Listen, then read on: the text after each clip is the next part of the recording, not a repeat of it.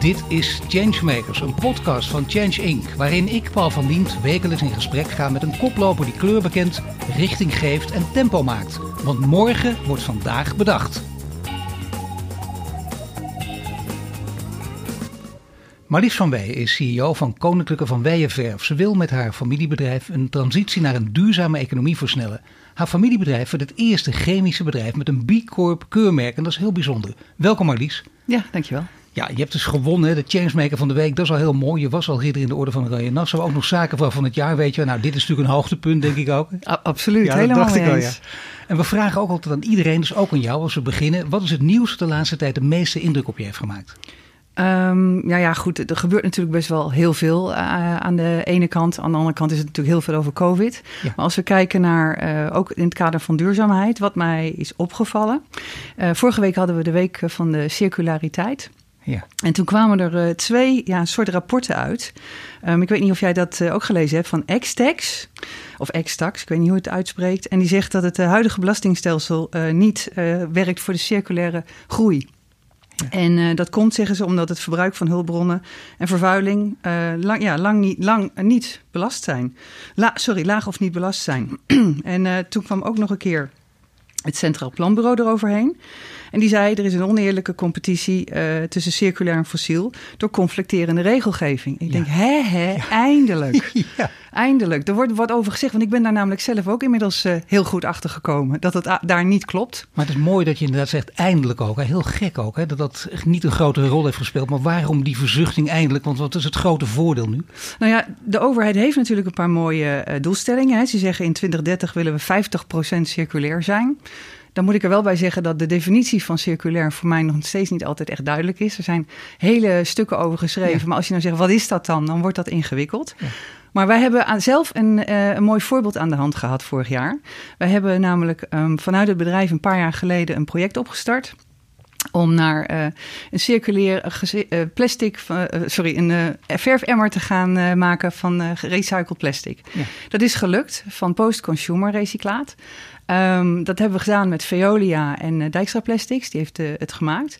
Nou, allemaal super leuk. Het enige nadeel is dat dat ding grijs is en niet wit.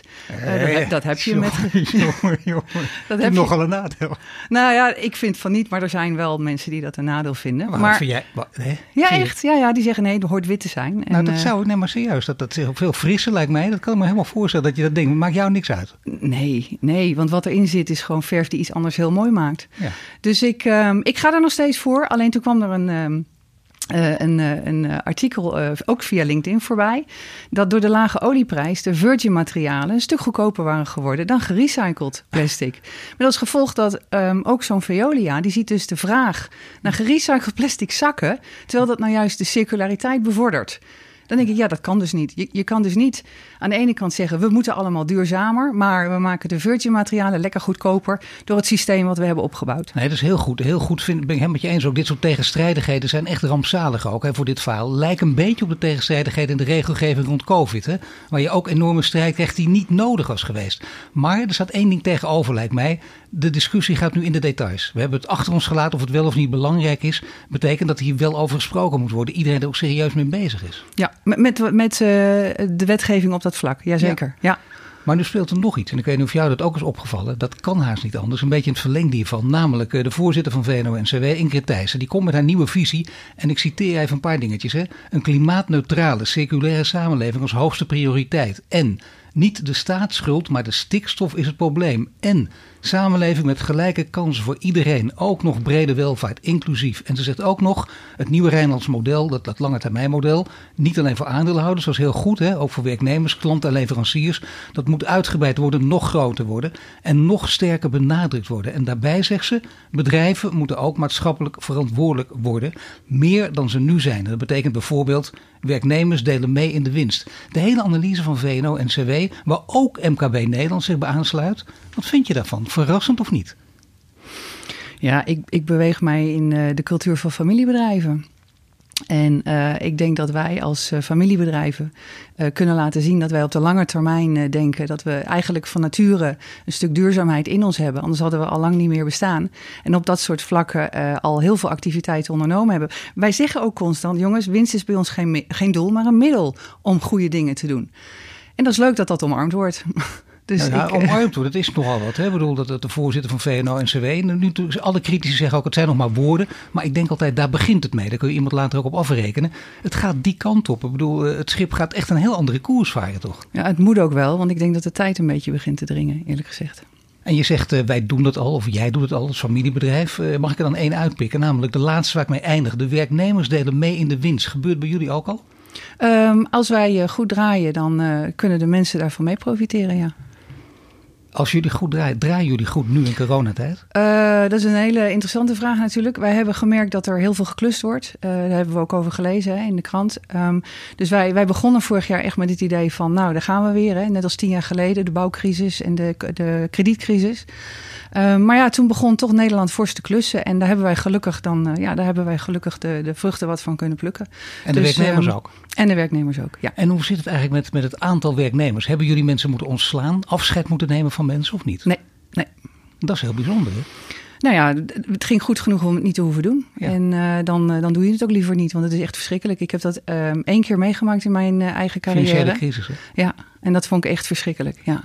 Ja, ik had gedacht dat het nu bijna niet anders kon, maar dan zit je toch net weer aan de goede kant. Dat is heel mooi. Dat verwacht je ook voor de komende jaren nu. Tenminste, als je überhaupt dit soort verwachtingen kunt uitspreken. Nou ja, dat kan dus niet. Kijk, er is, het, het doel is natuurlijk dat je het bedrijf gezond houdt. Want als je bedrijf niet meer uh, gezond functioneert, dan, dan is er geen houden aan.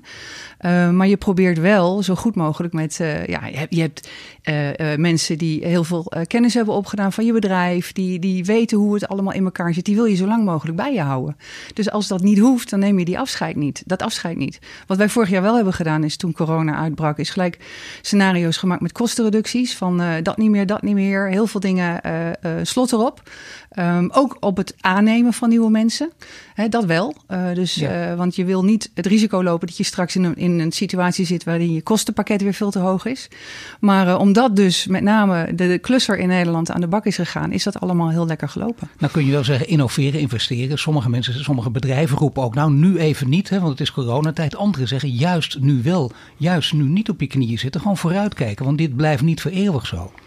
En dan bedoel je precies de. Nou ja, je kunt zeggen, we, we houden nu op met innovatie. We, we, gaan echt, uh, we gaan echt niet meer investeren. We gaan geen grote risico's nemen. We moeten nu eventjes afwachten. Kijken wat er gebeurt. En andere bedrijven zeggen, nee, dat is niet nodig. Uh, natuurlijk gaat het even slecht, maar we gaan vooruitkijken. En straks, uh, dan willen wij op, op, op voorsprong liggen. Ik denk dat je altijd vooruit moet kijken. Ik denk dat je, wat er ook gebeurt, altijd moet denken: oké, okay, we kijken wat verderop. En wat betekent dat wat ik dan nu moet doen? Ik denk dat dat juist heel belangrijk is. En dat is in ons geval ook geweest dat we eigenlijk gelijk ook hebben gezegd: we gaan door met de, de weg die we in duurzaamheid gekozen hebben. Um, en wij, uh, ja, wij willen gewoon die stappen maken naar de toekomst toe. Um, ook, ook tijdens corona. Dus wij gaan, wij gaan daar wel mee door. Nu is het woord uh, duurzaamheid al een paar keer gevallen. En uh, dat is logisch ook. En dan denk je, ja, dat, dat hoort. Hè, dat zegt iedereen nu. Dat, dat is in de mode, om het eens even heel cynisch te zeggen. Maar voor jou geldt iets anders. Ik bedoel, ik ken je wat langer ook, heb je vaker gesproken, volg je al langer. Je bent echt al veel langer met duurzaamheid bezig. Maar wanneer was het voor jou een belangrijk thema? Wanneer gebeurde dat? Is er een moment aan te wijzen? Um, een echt moment aan te wijzen was eind uh, jaren 2000, als ik dat zo mag zeggen. Dus ja. ergens 2008, 2009 denk ik. Um, even los van het feit dat we er altijd wel mee bezig zijn geweest. Want dat ga je eigenlijk zien op het moment dat je gaat zoeken van ja, waar zijn, waar zijn we nu druk mee geweest? Dan haal je allerlei dingen eruit. Nou, dat hebben we goed. Oh, daar zijn we een hele leuke kant op gegaan. Maar toen had ik echt zoiets van ja, dit is dit is zo belangrijk. We moeten hier gewoon veel meer mee gaan doen. En dat, uh, dat was onder andere ook door een uh, verhaal wat ik van Fijke Siebesma hoorde. Je hebt vaak ook wel andere mensen nodig die jou opeens iets laten zien. Waarvan en je voor denkt de duidelijkheid, van, de, de, toenmalige baas van DSM. Ja. Maar jij hebt er ook, voordat je in het familiebedrijf echt begon, heb je daar een jaar of vier, vijf gewerkt. Ja. Klopt. Maar toen was hij er nog niet hoor. Tenminste, niet in de positie waarin hij toen uh, zat. En hij heeft mij ook, ook geïnspireerd. Um, en, het, ja, het is net als een, een idee heeft vele vaders. Weet je, je, je, pakt dingen op gedurende uh, je, je werkzame leven. En opeens denk je van, oké, duidelijk. We gaan daar uh, grotere stappen in zetten. Dan denk jij dat, ook in de sector waarin je werkzaam bent, lastig genoeg lijkt. Maar dan moet je het ook aan mensen gaan overdragen. Dan wil ik zo meteen van je weten hoe je dat doet. Maar eerst even wat anders. Want er zit ook een andere kant aan jou. Dat is voor mensen ook aardig om te weten. Want je bent ook een beetje, een, bedoel ik positief, hè? ook een trailseeker. Je houdt ook van, je hebt een vliegbuffet volgens mij. Uh, je houdt ook van autoracen op Zandvoort. Wat, wat minder duurzame dingen. Maar ik zou bijna zeggen, ja, je, je, kunt niet altijd de mens uit één stuk zijn. Gelukkig niet zelfs. Hè? Je doet meerdere dingen. Nou, wat, wat ik gewoon zo graag wil, is dat we hebben met, met de mens hebben we een hele mooie samenleving opgebouwd. Natuurlijk, die kan nog op een aantal vlakken prima verbeterd worden. Maar ik zou zo graag de mooie dingen willen houden, maar dan in een, in een duurzame vorm. Uh, en uh, ook het vliegen moet mogelijk blijven, maar dan zo duurzaam mogelijk. Ik, ik vond het heel leuk om laatst te lezen dat KLM die schijnt nu zijn eerste vlucht op een uh, hele duurzame brandstof te hebben uitgetest. Ja. Dat is goed gelopen, zijn ze apen trots op. Maar het is nog te duur. En dan denk ik, hoe kan dat nou? Hoe kunnen we nou een duurzaamheidsslag willen maken? En elke keer roepen we, het is eigenlijk te duur. Dus, dus nou, dan komen we weer terug op waar we mee begonnen. Daar moet een omslag gemaakt worden. Um, en ja, ik hoop dat we kunnen blijven vliegen als mens. Maar dan wel op de manier die past bij dat wat de wereld nodig heeft. En autoracen? Ja, autoracen, dat uh, hebben wij uh, heel veel plezier gedaan. Ik weet dat heel veel nieuwe technieken uit de auto-industrie komen. Dat was voor mij uh, ook een, een, ja, ook een reden dat ik denk, nou ja, daar komen verbeteringen uit waar we later ook uh, in uh, de, het gewone leven gebruik van maken. Maar ik heb uiteindelijk wel besloten om daar afstand van te nemen. Ik, uh, ik nee. vond het heel leuk, maar ik zeg dat dat past niet meer bij ons, dat doen we niet meer. Um, en maar ik heb, waarom niet? Omdat het echt. Nou, het, het, het, ja, het, het, kan, het, kan, niet meer. Dat vind ik ook wat hard om te zeggen. Nou, net zeggen. Je, bedoel, um, je, je, bent er goed in toch ook, of niet? Nou, ik heb... Is een ik, oud BMW, uh, heb ik al eens gelezen, dat je, dat, uh, dat je daar heet en dan uh, flinke rondjes draait. En dan keer, en kan. ja. Nou, één keer. Ja, ik heb een keer een lesje gehad in, om dat racebuffet te halen. Dat, dat was het enige. Ik wilde oh, okay. weten hoe het in elkaar zat. En mijn vliegbuffet vond ik ook leuk, maar heb ik dan ook. Ben there, dan that. Leuk, weet je, dat heb ik gehad. Maar met het race heb ik wel gezegd. Wij waren toen met, um, hoe heet die, met Blekemolen in de weer. Ik joh, ja, als er, nou, uh, als er nou een elektrische race komt, dan moet je eens even bellen. Dus uh, dat heb ik hem toen wel gezegd. Van, want dat zou voor mij een toekomstig verhaal zijn waarin we en kunnen racen, maar ook om wat. Uh, nou, ja. hij schijnt een vaste luisteraar te zijn hier, dus uh, dat hoort hij dan. Nou, dan kan nou, hij bellen. Dat is goed ja. tegen die tijd. Ik ben benieuwd. Dan, hoe ga je inderdaad je mensen meenemen? Hè? Want dan ben jij vol van duurzaamheid. je hebt trouwens ook biologie gestudeerd. Hè? Nee, dat of, wou ik. Dat, dat wou ik, maar wil, dat heb ik nooit biologie, gedaan. Maar, ja. het, maar het wil wel iets zeggen als je dat wil doen. Hè? Dat betekent dat, dat het toch ook al iets dieper zit. Biodiversiteit voor jou belangrijk. Uh, voorzitter ben je ook van, van uh, Future. Future for Nature. Dus ja. dat zijn allemaal zaken die erop wijzen dat je dat niet zomaar doet omdat het greenwashing is, omdat het zo hoort. Het zit veel dieper. Maar zit het ook bij je mensen heel diep? Niet bij iedereen natuurlijk, dat kan haast niet anders. Nee, ook mijn bedrijf is een uh, doorsnee uit de samenleving. Wel? Ja hoor, dus en ja. dat geeft ook niks. Statistieken die zijn er nou eenmaal. Um, dus uh, er, is echt, er zullen echt wat mensen zijn die zeggen, nou het zal allemaal wel, ik vind het allemaal een beetje te veel. Maar het overgrote deel vindt het wel heel erg leuk en interessant. Sterker nog, wij krijgen ook uh, uh, nieuwe medewerkers die dan zeggen, ja wij, wij willen graag bij jullie solliciteren. Want we hebben begrepen dat jullie erg vooruitstrevend zijn op het gebied van duurzaamheid. Dus dat, um, dat werkt ook in het aantrekken van nieuwe mensen. Kies je ze daarop uit? Ik bedoel, heb je zelfs de luxe om ze daarop uit te zoeken? De luxe om ze daarop uit te zoeken. Nou ja, je hebt wel eens verteld ook hè, dat het heel lastig is om juist goed geschoold personeel te krijgen. Dat je af en toe denkt, ik wou dat die opleidingen beter aansloten. Want we moeten ze nu af en toe zelf opleiden. Wat, wat ook kan, maar wel jammer is. Ja, ja dat moeten we op een aantal vlakken nog steeds. Verftechnologie, ja. daar moet je de mensen intern voor opleiden. Kun je nagaan, hè? Ik bedoel, ja. dan kun je bijna al die eisen niet meer stellen. Dan kun je ook niet zeggen, wacht eens even, je houdt niet van duurzaamheid. je bent heel goed in wat wij willen, blijf maar weg.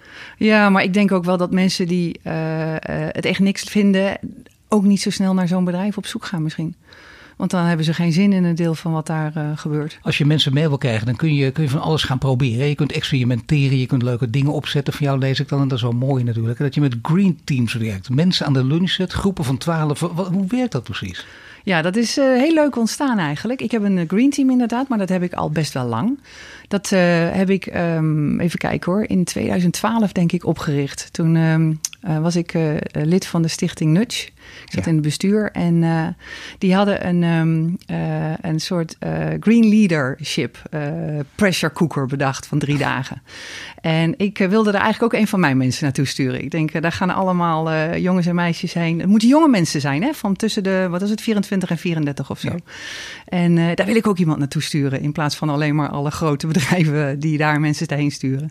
Dus ik had intern gevraagd in de organisatie, ik zei, nou, um, via PNO van uh, dit en dit is de mogelijkheid. Uh, iedereen tussen die leeftijdscategorie mag, uh, als hij geïnteresseerd is, zich aanmelden. Hou een pitch voor mij. En de beste die mag naar, de, naar de opleiding. En dat waren drie van mijn medewerkers, drie jongens trouwens. En die, die waren zo enthousiast. Ik denk, ja, ik ga niet kiezen. dus ik, zei, niet kiezen. Nee, ik ga ook niet kiezen. Ik denk, weet je wat, ze gaan gewoon alle drie. Dus ik heb ze alle drie naar, die, naar die, dat lange weekend gestuurd. En nou, die kwamen echt helemaal stuiterend terug met adrenaline uit de ogen. Die het fantastisch.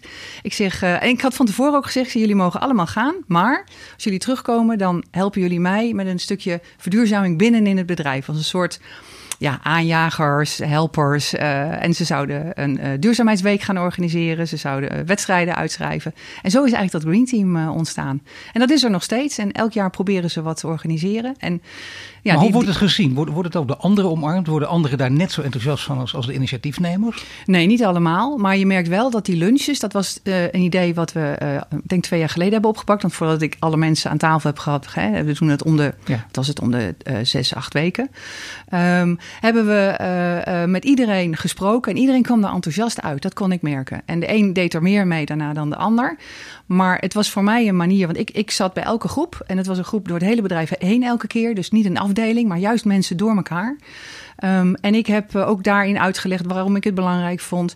Hoe wij dat als familiebedrijf zien. Dat wij in een vereniging zitten van familiebedrijven internationaal. Ja. Van, van, van oost naar west. Die allemaal uh, uh, met dat soort dingen bezig zijn. En dat we daarin gewoon hele mooie stappen met elkaar kunnen maken. Omdat we daarmee um, het bedrijf ook een goede toekomst bieden. Want ik denk als je dat als bedrijf niet doet. Als je die verduurzaming nu niet serieus oppakt.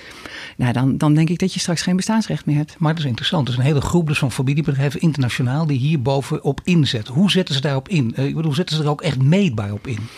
Um, wij, hebben, uh, wij, wij, zijn als, als uh, bedrijf lid van FBNet, familiebedrijf in Nederland. En FBNet is weer lid van de FBN-groep, dat is Family Business Network. En die gaat echt van China tot Amerika. Um, en daar zitten allemaal familiebedrijven, groot en klein bij, die hebben een, uh, een, jaar of tien geleden, denk ik, zijn ze begonnen met het Polaris-project. Waarin we um, duurzaamheid meer op de agenda van de, van de families wilden zetten. En de ene familie is wat verder dan de ander. Maar we wisten dat, uh, dat er animo was om daar een aantal slagen in te maken. Nou, dat project is doorgezet. En ze hebben onlangs, uh, afgelopen jaar, hebben ze een samenwerking gezocht met de Verenigde Naties, met UNCTAD. en daar hebben ze een hele questionnaire gemaakt, speciaal voor familiebedrijven. Um, om je te gaan meten aan de SDG's. En die wordt binnenkort, zag ik via LinkedIn, nu wordt die publiekelijk gemaakt. Want wij zaten namelijk in de pilotfase. Mooi. Wij waren een van de drie bedrijven die hebben meebouwen zeg maar, aan die vragen. Een Nederlands bedrijf, dat waren wij. Een bedrijf uit Turkije en een bedrijf uit India. En die drie bedrijven waren de pilot cases om dus te zorgen dat uh, ja, de vragen een beetje pasten. Want wij, wij hadden de mogelijkheid om te zeggen, joh, wat wil je met die vraag? Of dat is fout gesteld, of dat is onzin. Of, nou, en zo probeerden we iets te maken, of in ieder geval te helpen, dat er een, een vragenlijst kwam waarbij familiebedrijven goed kunnen gaan zien waar ze nou staan op die ladder van duurzaamheid en SDG. Maar dat is heel goed, hè? want dan kun je dat inderdaad meten. Heb je meetmodellen. Uh, bij Philips hebben ze dit soort dingen ook ontwikkeld. Hè? Je ziet dat dat wijdverbreid begint te worden. En ik uh, zei in het begin ook, uh, B Corp keurmerk, ook belangrijk. Hè? Dat je alle milieueisen voldoet. En daar kom je niet zomaar in. Hè? Daar word je echt serieus. Dan moet je mensen binnenhalen. Je moet toch volkomen transparant zijn. Ze, ze kijken door alles heen. En je, geeft volledige openheid aan mee. Dat is allemaal heel mooi. Maar dat doe je ook omdat je een bedrijf bent en dat je ook geld wil verdienen. Dat is toch het mooie dat het ook samen gaat. Hoe krijg je dat voor elkaar? Nou ja, B Corp ondersteunt dat. B Corp zegt dus ook van uh, duurzaamheid en, en winstgevendheid, uh, dat kan samengaan. Dat moet ook wel, want als je bedrijf niet winstgevend is, dan kan je ook niet meer verduurzamen. Um, en um, het leuke van B Corp is, uh, het is een, een van de twee duurzaamheidsmanagementsystemen die er bestaan in de wereld. En het, um, je moet het eigenlijk ook doen voor jezelf, voor je eigen bedrijf. Want je gaat uh, uh, vragen beantwoorden en dan nadenken van, oh, wacht even, oh ja, ja, dat doen we wel een beetje, maar dat kunnen we veel beter doen. En dan door dus daar veel actiever mee om te gaan, ga je punten scoren. En als je dan minimaal 80 punten hebt, dan kom je in aanmerking voor het B Corp certificaat. En het hele aparte daarvan is, als je het eenmaal hebt, dan hou je het niet. Je moet blijven bewegen. Dus wij krijgen dit jaar een hercertificering, uh, na drie jaar weer. Um, en als wij dus niet kan, kunnen laten zien dat we aantoonbaar verbeteringen hebben doorgevoerd, dan lopen we risico. Maar kun je iets noemen? Want je zegt, je wordt af en toe ergens uh, op gewezen. Of uh, je wordt, iets, iets wordt bij je wakker gemaakt of losgemaakt. Waardoor je denkt, oh wacht even, dat had ik niet in de gaten. Maar juist omdat zij onderzoek bij ons doen en dat ze vragen aan ons stellen, komen we verder. Is er iets wat je nu te binnen schiet of je denkt, oh ja, dat is goed. Dat is goed dat ze dat even hebben aangeraakt. Kleine dingen zijn bijvoorbeeld dat zij vragen, hebben jullie bepaalde uh, um, activiteiten beleidsmatig vastliggen? En dan, dan heb ik veel ook met HR gesproken. En dan zeggen we, ja, we doen het wel. Maar we hebben eigenlijk nergens vast liggen dat we het doen. Niemand kan het nalezen. En dan ga je dat meer formaliseren en dus bekendmaken aan iedereen. Nou, dat zijn al dingen die helpen om je organisatie beter te maken. Maar het teamje wat er nu op zit om, uh, om constant dus die, die status van B Corp bij te houden. Van waar staan we nu met punten ja, die zijn ook super enthousiast geworden. Omdat ze gewoon, die krijgt ook een beetje competitie-element. Van, we moeten nog een puntje erbij. Als we dat doen, dan gaan we ook ja. nog punten scoren. En het, het, openleggen van een aantal zaken is wel eens ingewikkeld. Ja, dat, um, dat is weer de kant van het familiebedrijf die eigenlijk be, telling good, be good and tell it. Maar uh, familiebedrijven hebben echt, echt zoiets van, ja, moet dat nou? Dat is toch in orde en uh, dat hoeven we toch allemaal niet maar te laten Maar toch een zus voor, de, die marketing en communicatie voor de rekening neemt, die uh, op dat gebied volgens mij? Nee, maar, maar dit, ik bedoel naar B Corp zelf, hè. Zij, zij doen natuurlijk een audit. En ja. dus ja, jij kan dingen invullen, maar zij willen daar bewijsmaterialen voor zien. Maar goed, dat kunnen jullie toch ook, je kunt die schroomte van je afschudden? Nee, dat doen we ook, dat doen we ook. Alleen dat was even, dat was even een klein hobbeltje. ja, dan denk je van, daar gaat ze niks aan, denk je dan. En dan nee, maar daar moet je even overheen. Dat, uh, ja. begonnen even over je zus. Hè? Dat is belangrijk als een familiebedrijf. Uh, ik, ik vind een mooie uitspraak van jou. Je zegt wel eens ook, uh, je, bent, je bent nooit lonely at de top in een familiebedrijf. Want inderdaad, je zus, jij, beide geloof ik met 45% aandelen. En je vader? Ja, nog steeds een klein beetje, ja. Nog steeds, hè? Nou ja, een klein beetje, maar toch. Dus ja. met z'n drieën. Dus dan wil je wel weten hoe dat gaat. Want een familiebedrijf, de verhalen zijn heel mooi, maar er zitten ook de mindere kanten aan. Die hoor je wat minder vaak, helaas. Uh, in grote reportages komt vaak wel als rode draad naar voren. Ik las pas een verhaal over Duitsland, familiebedrijven. Het werd ook geprezen, heel belangrijk ook in dat land. Misschien nog belangrijker dan in Nederland. Maar uh, de andere kant is ook een beetje ja, af en toe zelfgenoegzaamheid, conservatisme. Herken je dat ook of niet? Nee, zelfgenoegzaamheid herken ik niet, maar wel. nee. nee. en conservatisme helemaal niet. Oh. Als er één groep is die innovatief bovenaan staan, dan zijn het de familiebedrijven. Dat wordt altijd aangenomen dat dat niet zo is, maar dat is helemaal niet zo. Um, dus over, over het geheel genomen zijn wij juist innovatief en dus niet conservatief, wil ik er maar bij zeggen. Maar uh, we zijn wel gesloten, dat klopt. En dat is iets wat niet alleen in Nederland is, maar dat zie je in alle familiebedrijven door de hele wereld heen. Maar wat bedoel je precies met gesloten? Nou, wat, net wat ik zei, je, je doet je dingen en je vindt het prima. Um, toen wij begonnen in kaart te brengen waar wij mee bezig waren op het vlak van verduurzaming, dan sta je echt te kijken van, oh, dat doen we allemaal al, maar we hebben het eigenlijk nooit over gehad. We hebben het niet echt vermeld. Um, je, misschien dat je ook denkt van, ach, hè, het is er toch, waarom moet ik er dan nog over vertellen? Maar tegenwoordig doe ik dat veel meer. En als je dan uh, terugkijkt naar, de, naar bijvoorbeeld de jaren negentig, toen mijn vader nog directeur was, toen hij een uh, innovatieprijs binnenhaalde voor een nieuw product, omdat er minder oplosmiddel in zat dan word je daar opeens nog trotser op. Dat dat toen ook al gebeurde. Alleen daar, daar deed je toen niet zoveel mee. Ja, misschien moet je zus uh, toch uh, de afdeling marketing en communicatie, die moet gewoon een zetje krijgen. Je zus eruit. Nee, dat kan niet. Allebei even sterk ook daar. Hoe gaat het eigenlijk aan die, aan die Mijn zus doet het helemaal prima. We zijn nog flauw bezig, man.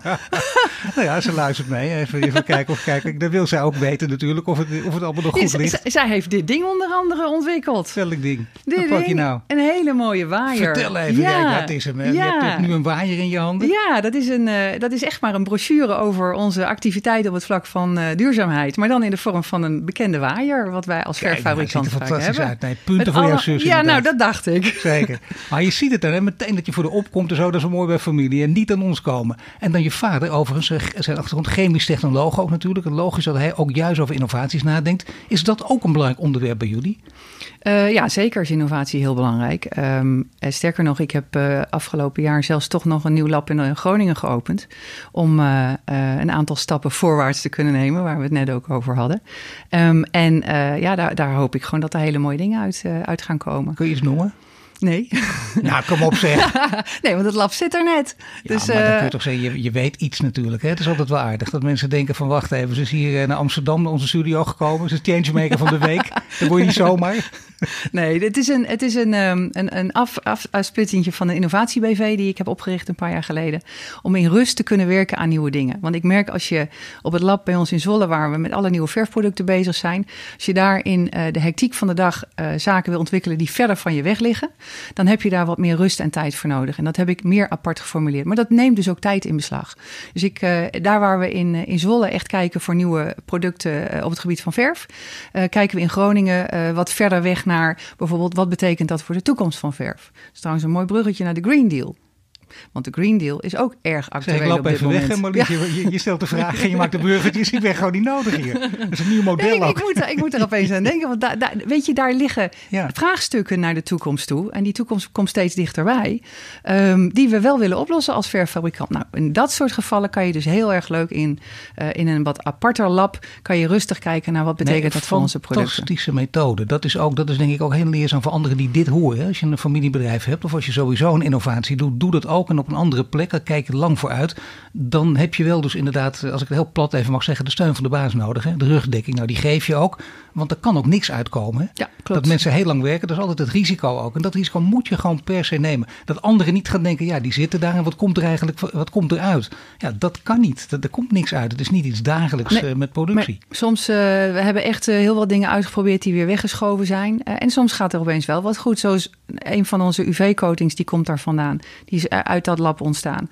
Um, en ja, daar zijn we ook heel trots op. En dat begint nu zeg maar een beetje in de markt te komen. We zijn denk ik anderhalf jaar nu bezig.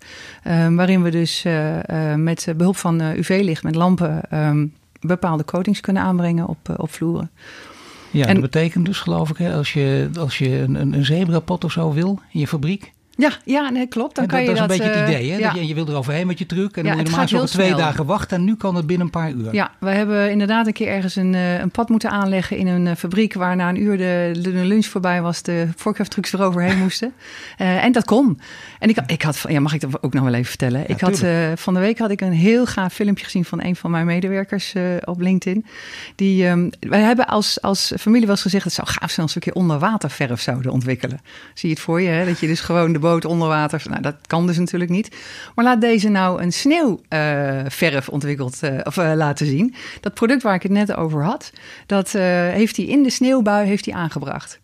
En dat zat gewoon hartstikke goed. Zo. Ik denk, wow, dit vond ik, dat, ik, was, ik was helemaal, ik voelde mezelf helemaal glunderen. Ik denk, wat gaaf. Ja, Ja. en dan gewoon bij min 5, hè? En dan naar de Green Deal. Want kijk, het gaat er toch om dat je inderdaad eh, harde afspraken dan moet maken. eh, harde doelstellingen. Die zet je ook voor jezelf neer. Waar je ook op afrekenbaar bent. Klimaatneutraal bijvoorbeeld zijn. Op een bepaald tijd. Op 2025 al geloof ik bij jullie. Hadden wij als ambitie gezet. Maar dat ja. is, je- en dan, dan zien we dus dat je altijd in, in, met het vreselijke woord in een keten zit. Je hebt met leveranciers te maken, dat denk ik ook in jouw wereld. Grondstoffen zijn die voldoende, denken die er ook over na. Kun je het om, om die reden wel of niet waarmaken? Nou ja, je bent voor een deel afhankelijk van je leveranciers. Wij hebben een aantal jaar geleden zijn wij gestart om de eh, CO2-footprint van al onze producten in kaart te brengen. Echt alles. Daar, van cradle to gate. Dat betekent dat we beginnen bij de grondstofleveranciers en wat daarvoor zit, tot aan de poort bij ons. Want daarna is het natuurlijk onder andere de schilder eh, die Ja. bepaalt wat er gebeurt. Ehm, en eh, nou, dan ga je op zoek naar heel veel gegevens die je in een eh, database moet stoppen. Sommige krijg je gewoon niet. Dus ook als je vraagt, krijg je sommige gegevens niet. En sommige die, ehm, eh, die moet je dan zelf benaderen van wat zou het ongeveer kunnen zijn. En andere keren gaan grondstofleveranciers, want die waren niet gewend aan dat soort vragen, meewerken en zeggen, oh nou, dan gaan we kijken hoeveel, wat en wat. Ehm, dus dat hebben wij uitgerekend. En eh, toen hadden we echt dat idee van, weet je, als we nou echt hard ervoor gaan, dan moeten wij vast in rond 2025 klimaatneutraal kunnen zijn. Nou, dat was een richting. Ik bedoel, dat, dat kan wat eerder en wat later, nou eerder, wat later zijn. Maar je hebt in ieder geval een focus en je kan gaan kijken waar moeten we dan aan gaan werken om dat voor elkaar te krijgen. En het inzicht wat je krijgt, dus hoe complex dat dan misschien wel niet is. Dus dat hebben wij gedaan. En helaas eh, blijkt dus dat, ehm, dat in die hele CO2-uitstoot van ons bedrijf, dat wij eigenlijk maar 10% zelf doen en dat 90% zit in de grondstoffen. En dan opeens denk je, ja, daar klopt nog iets niet. Hoe kan dat nou? Weet je, dan kan ik op mijn kop gaan staan, maar dan red ik het dus van zolang zal ze leven niet. En ik kan moeilijk het Amazonewoud aankopen om, om te compenseren. Nee, nog niet. Nee. Dus, dus nee, dus ik had echt zoiets van jeetje. Dus, uh, en dan, dan duik je daar wat beter in. Ik heb eens contact gezocht met de VNCI. En dan blijkt dat in het beleid, um, en dat zie je eigenlijk ook wel een beetje met de nadruk constant op energie en niet op biodiversiteit, dat er bijna alleen maar gefocust wordt op dat wat er uit de schoorsteen komt, maar dat grondstoffen ergens achteraan in het, in het plaatje staan. En dan ja, dan concludeer je eigenlijk dat daar een verschuiving moet komen. En dan niet alleen uh, in Nederland hoor, maar ook in Europa, Europa of Europees breed. Dus dan zie je ook daar weer dat de aanname niet goed is. Ik kan wel willen, maar krijgt het gewoon niet voor elkaar. Wie moet die aanname veranderen? Wie gaat er uiteindelijk over? Wie moet je erop aanspreken? Ja, de politiek natuurlijk. Dat wou ik zeggen. Ja, ja. De politiek laat het toch weer liggen hier dan. Ik denk dat zij uh, gewoon ja, ook niet misschien alles overzien. Uh, maar zeker niet met elkaar uh, de juiste afspraken maken om alles in de goede richting uh, te duwen. Um, nou ja, dan komen we een beetje bij het begin terug met ook die grondstofkosten van hè, plastic, virgin of ja. gerecycled. Als je dat nu ziet, en zij weten ook dat ze hun eigen doelstellingen gemaakt hebben, dan denk ik dat er heel snel iets moet veranderen uh, in Den Haag op dat gebied van wetgeving. Want ja, nou, anders gaan we het gewoon niet redden. Ja, nou weet ik dat je, dat je daar vaker over gesproken hebt hè, en, en ook al een tijdje geleden. Dus dat gaat heel erg langzaam op dit gebied in politiek Den Haag. Bijna onvoorstelbaar toch ook? Ja, ze, ik, ik, weet niet of ik in hun schoenen zou willen staan. Ze hebben natuurlijk vele nee. belangen te behartigen. Maar als je uh, met z'n allen in ieder geval één doel hebt... dat je de, de wereld leefbaar wil houden... want dat is eigenlijk het ultieme doel... dan moet daar, dan moet daar ook wat anders voor wijken. En dan kan je niet, hè, nog een artikeltje ergens in, uh, in het FD... kan je zeggen van ja, uh, de subsidies gaan naar CO2-opslag in de bodem... want aardwarmte is te, is te duur. Daar gaan we weer. Het gaat altijd nee. over te duur in plaats van goed... Uh, hè, gaat het naar goedkoop? En misschien moeten we eens een keer wat meer focussen op goed. Ja, Want tuurlijk. met goed hebben we met z'n allen wat aan in de toekomst. Ja, goed en snel. Het wil zeggen de energietransitie versnellen. Want dat is de belofte van politici ook. Hè. Daarom denken jullie in eerste instantie ook klimaatneutraal in 2025. Wat heel snel en dichtbij is. Maar je ziet wat de angels zijn. Dat is ja. lastig. Maar Daarna... ik moet er wel bij zeggen, doordat je dus daar opduikt. Ik vind het aan de ene kant natuurlijk vind ik jammer. Ik denk verdorie. Aan de andere kant denk je, weet je, er gaan opeens een heleboel dingen weer duidelijk worden. En als je, als je dat nou maar met elkaar goed bespreekt, ja. dan weet straks iedereen een stuk beter misschien aan welke, uh, uh, hoe heet het, aan welke touwtjes die moet trekken om ja. het wel de goede kant op te laten gaan. Om veel impact te hebben moet je heel groot zijn. Er wordt er toch inderdaad naar de hele grote bedrijven gekeken. Laten we zeggen, jij bent een relatief kleintje, ook een hele grote speler, maar vergeleken met de verfreuzen, uh, PPG bijvoorbeeld, Amerikanen, Axo Nobel natuurlijk. Daar steek je schril bij af qua grootte. Als zij wat doen, en ze doen ook wat, hè, ja, dan, dan maken ze echt stappen. Zij innoveren nu ook. Ook juist omdat jullie vaak de, de leiding hebben genomen. Dat is een hele mooie voortrekkersrol. Maar nemen zij het nu niet over en hebben ze ook veel meer impact naar jullie. En is het dus ook logisch dat bijvoorbeeld uh, nou ja, zeggen, toegang tot financiering, noem maar wat, invest.nl nu, dat die vooral naar die grote bedrijven kijken, of niet? Nou ja, de bedragen die daar omgaan in, uh, in, uh, wanneer je in aanmerking komt voor een stuk subsidie, die zijn voor mij veel te groot. Ja. Dat, ik, ik Om de grens van 5 miljoen, hè? Ja, voor jezelf. Ja, het moet dan een project van 10 miljoen zijn, ook nog eens een keer. Ook dat, ja. Ja, ja. ja. ja, nee, ja, ja, nee, ik moet opeens aan iets denken wat ik toen een keer geprobeerd heb. Maar uh, nee, dus dat, dat werkt niet. En, um, en ja, dat, dat, maar goed, dat ben ik wel gewend. Dat zij er overheen was. Uh, wij hebben wel eens iets gelanceerd. En dan kwamen zij twee jaar later. En dan konden zij dat heel groot uh, melden. En, oh, we hebben ze goed gedaan hè, daarbij. Uh, zo. Alsof ze het ja, zelf bedacht ja, hebben. Ja, ja. ja, maar ja, ook, ja, nou ja, goed. Dat we, hebben wij blijkbaar goed gedaan. Zeker. En je loopt nog steeds voor ook. Ik bedoel, is dat een soort strijd? Want je bent iets kleinere speler. Misschien kun je dan beter en sneller innoveren. Of denk je dat zij daar ook het plecht in hun voordeel hebben beslecht? Het pleit in hun voordeel beslecht? Nee, zij kunnen ook heel veel. Ze hebben natuurlijk wel veel meer power. Um, zij kunnen ook heel veel, maar wij hebben dan wel weer het voordeel van de, het kleiner zijn. Uh, misschien ook het voordeel van dat, dat ik constant met uh, R&D aan tafel zit, met, met wilde ideeën. Um, en ik ben dan zelf geen, geen chemicus. Uh, nee. maar, en dus ik roep ook wel eens wat wat niet kan. En dan zeggen ze, Marlies, dat kan niet.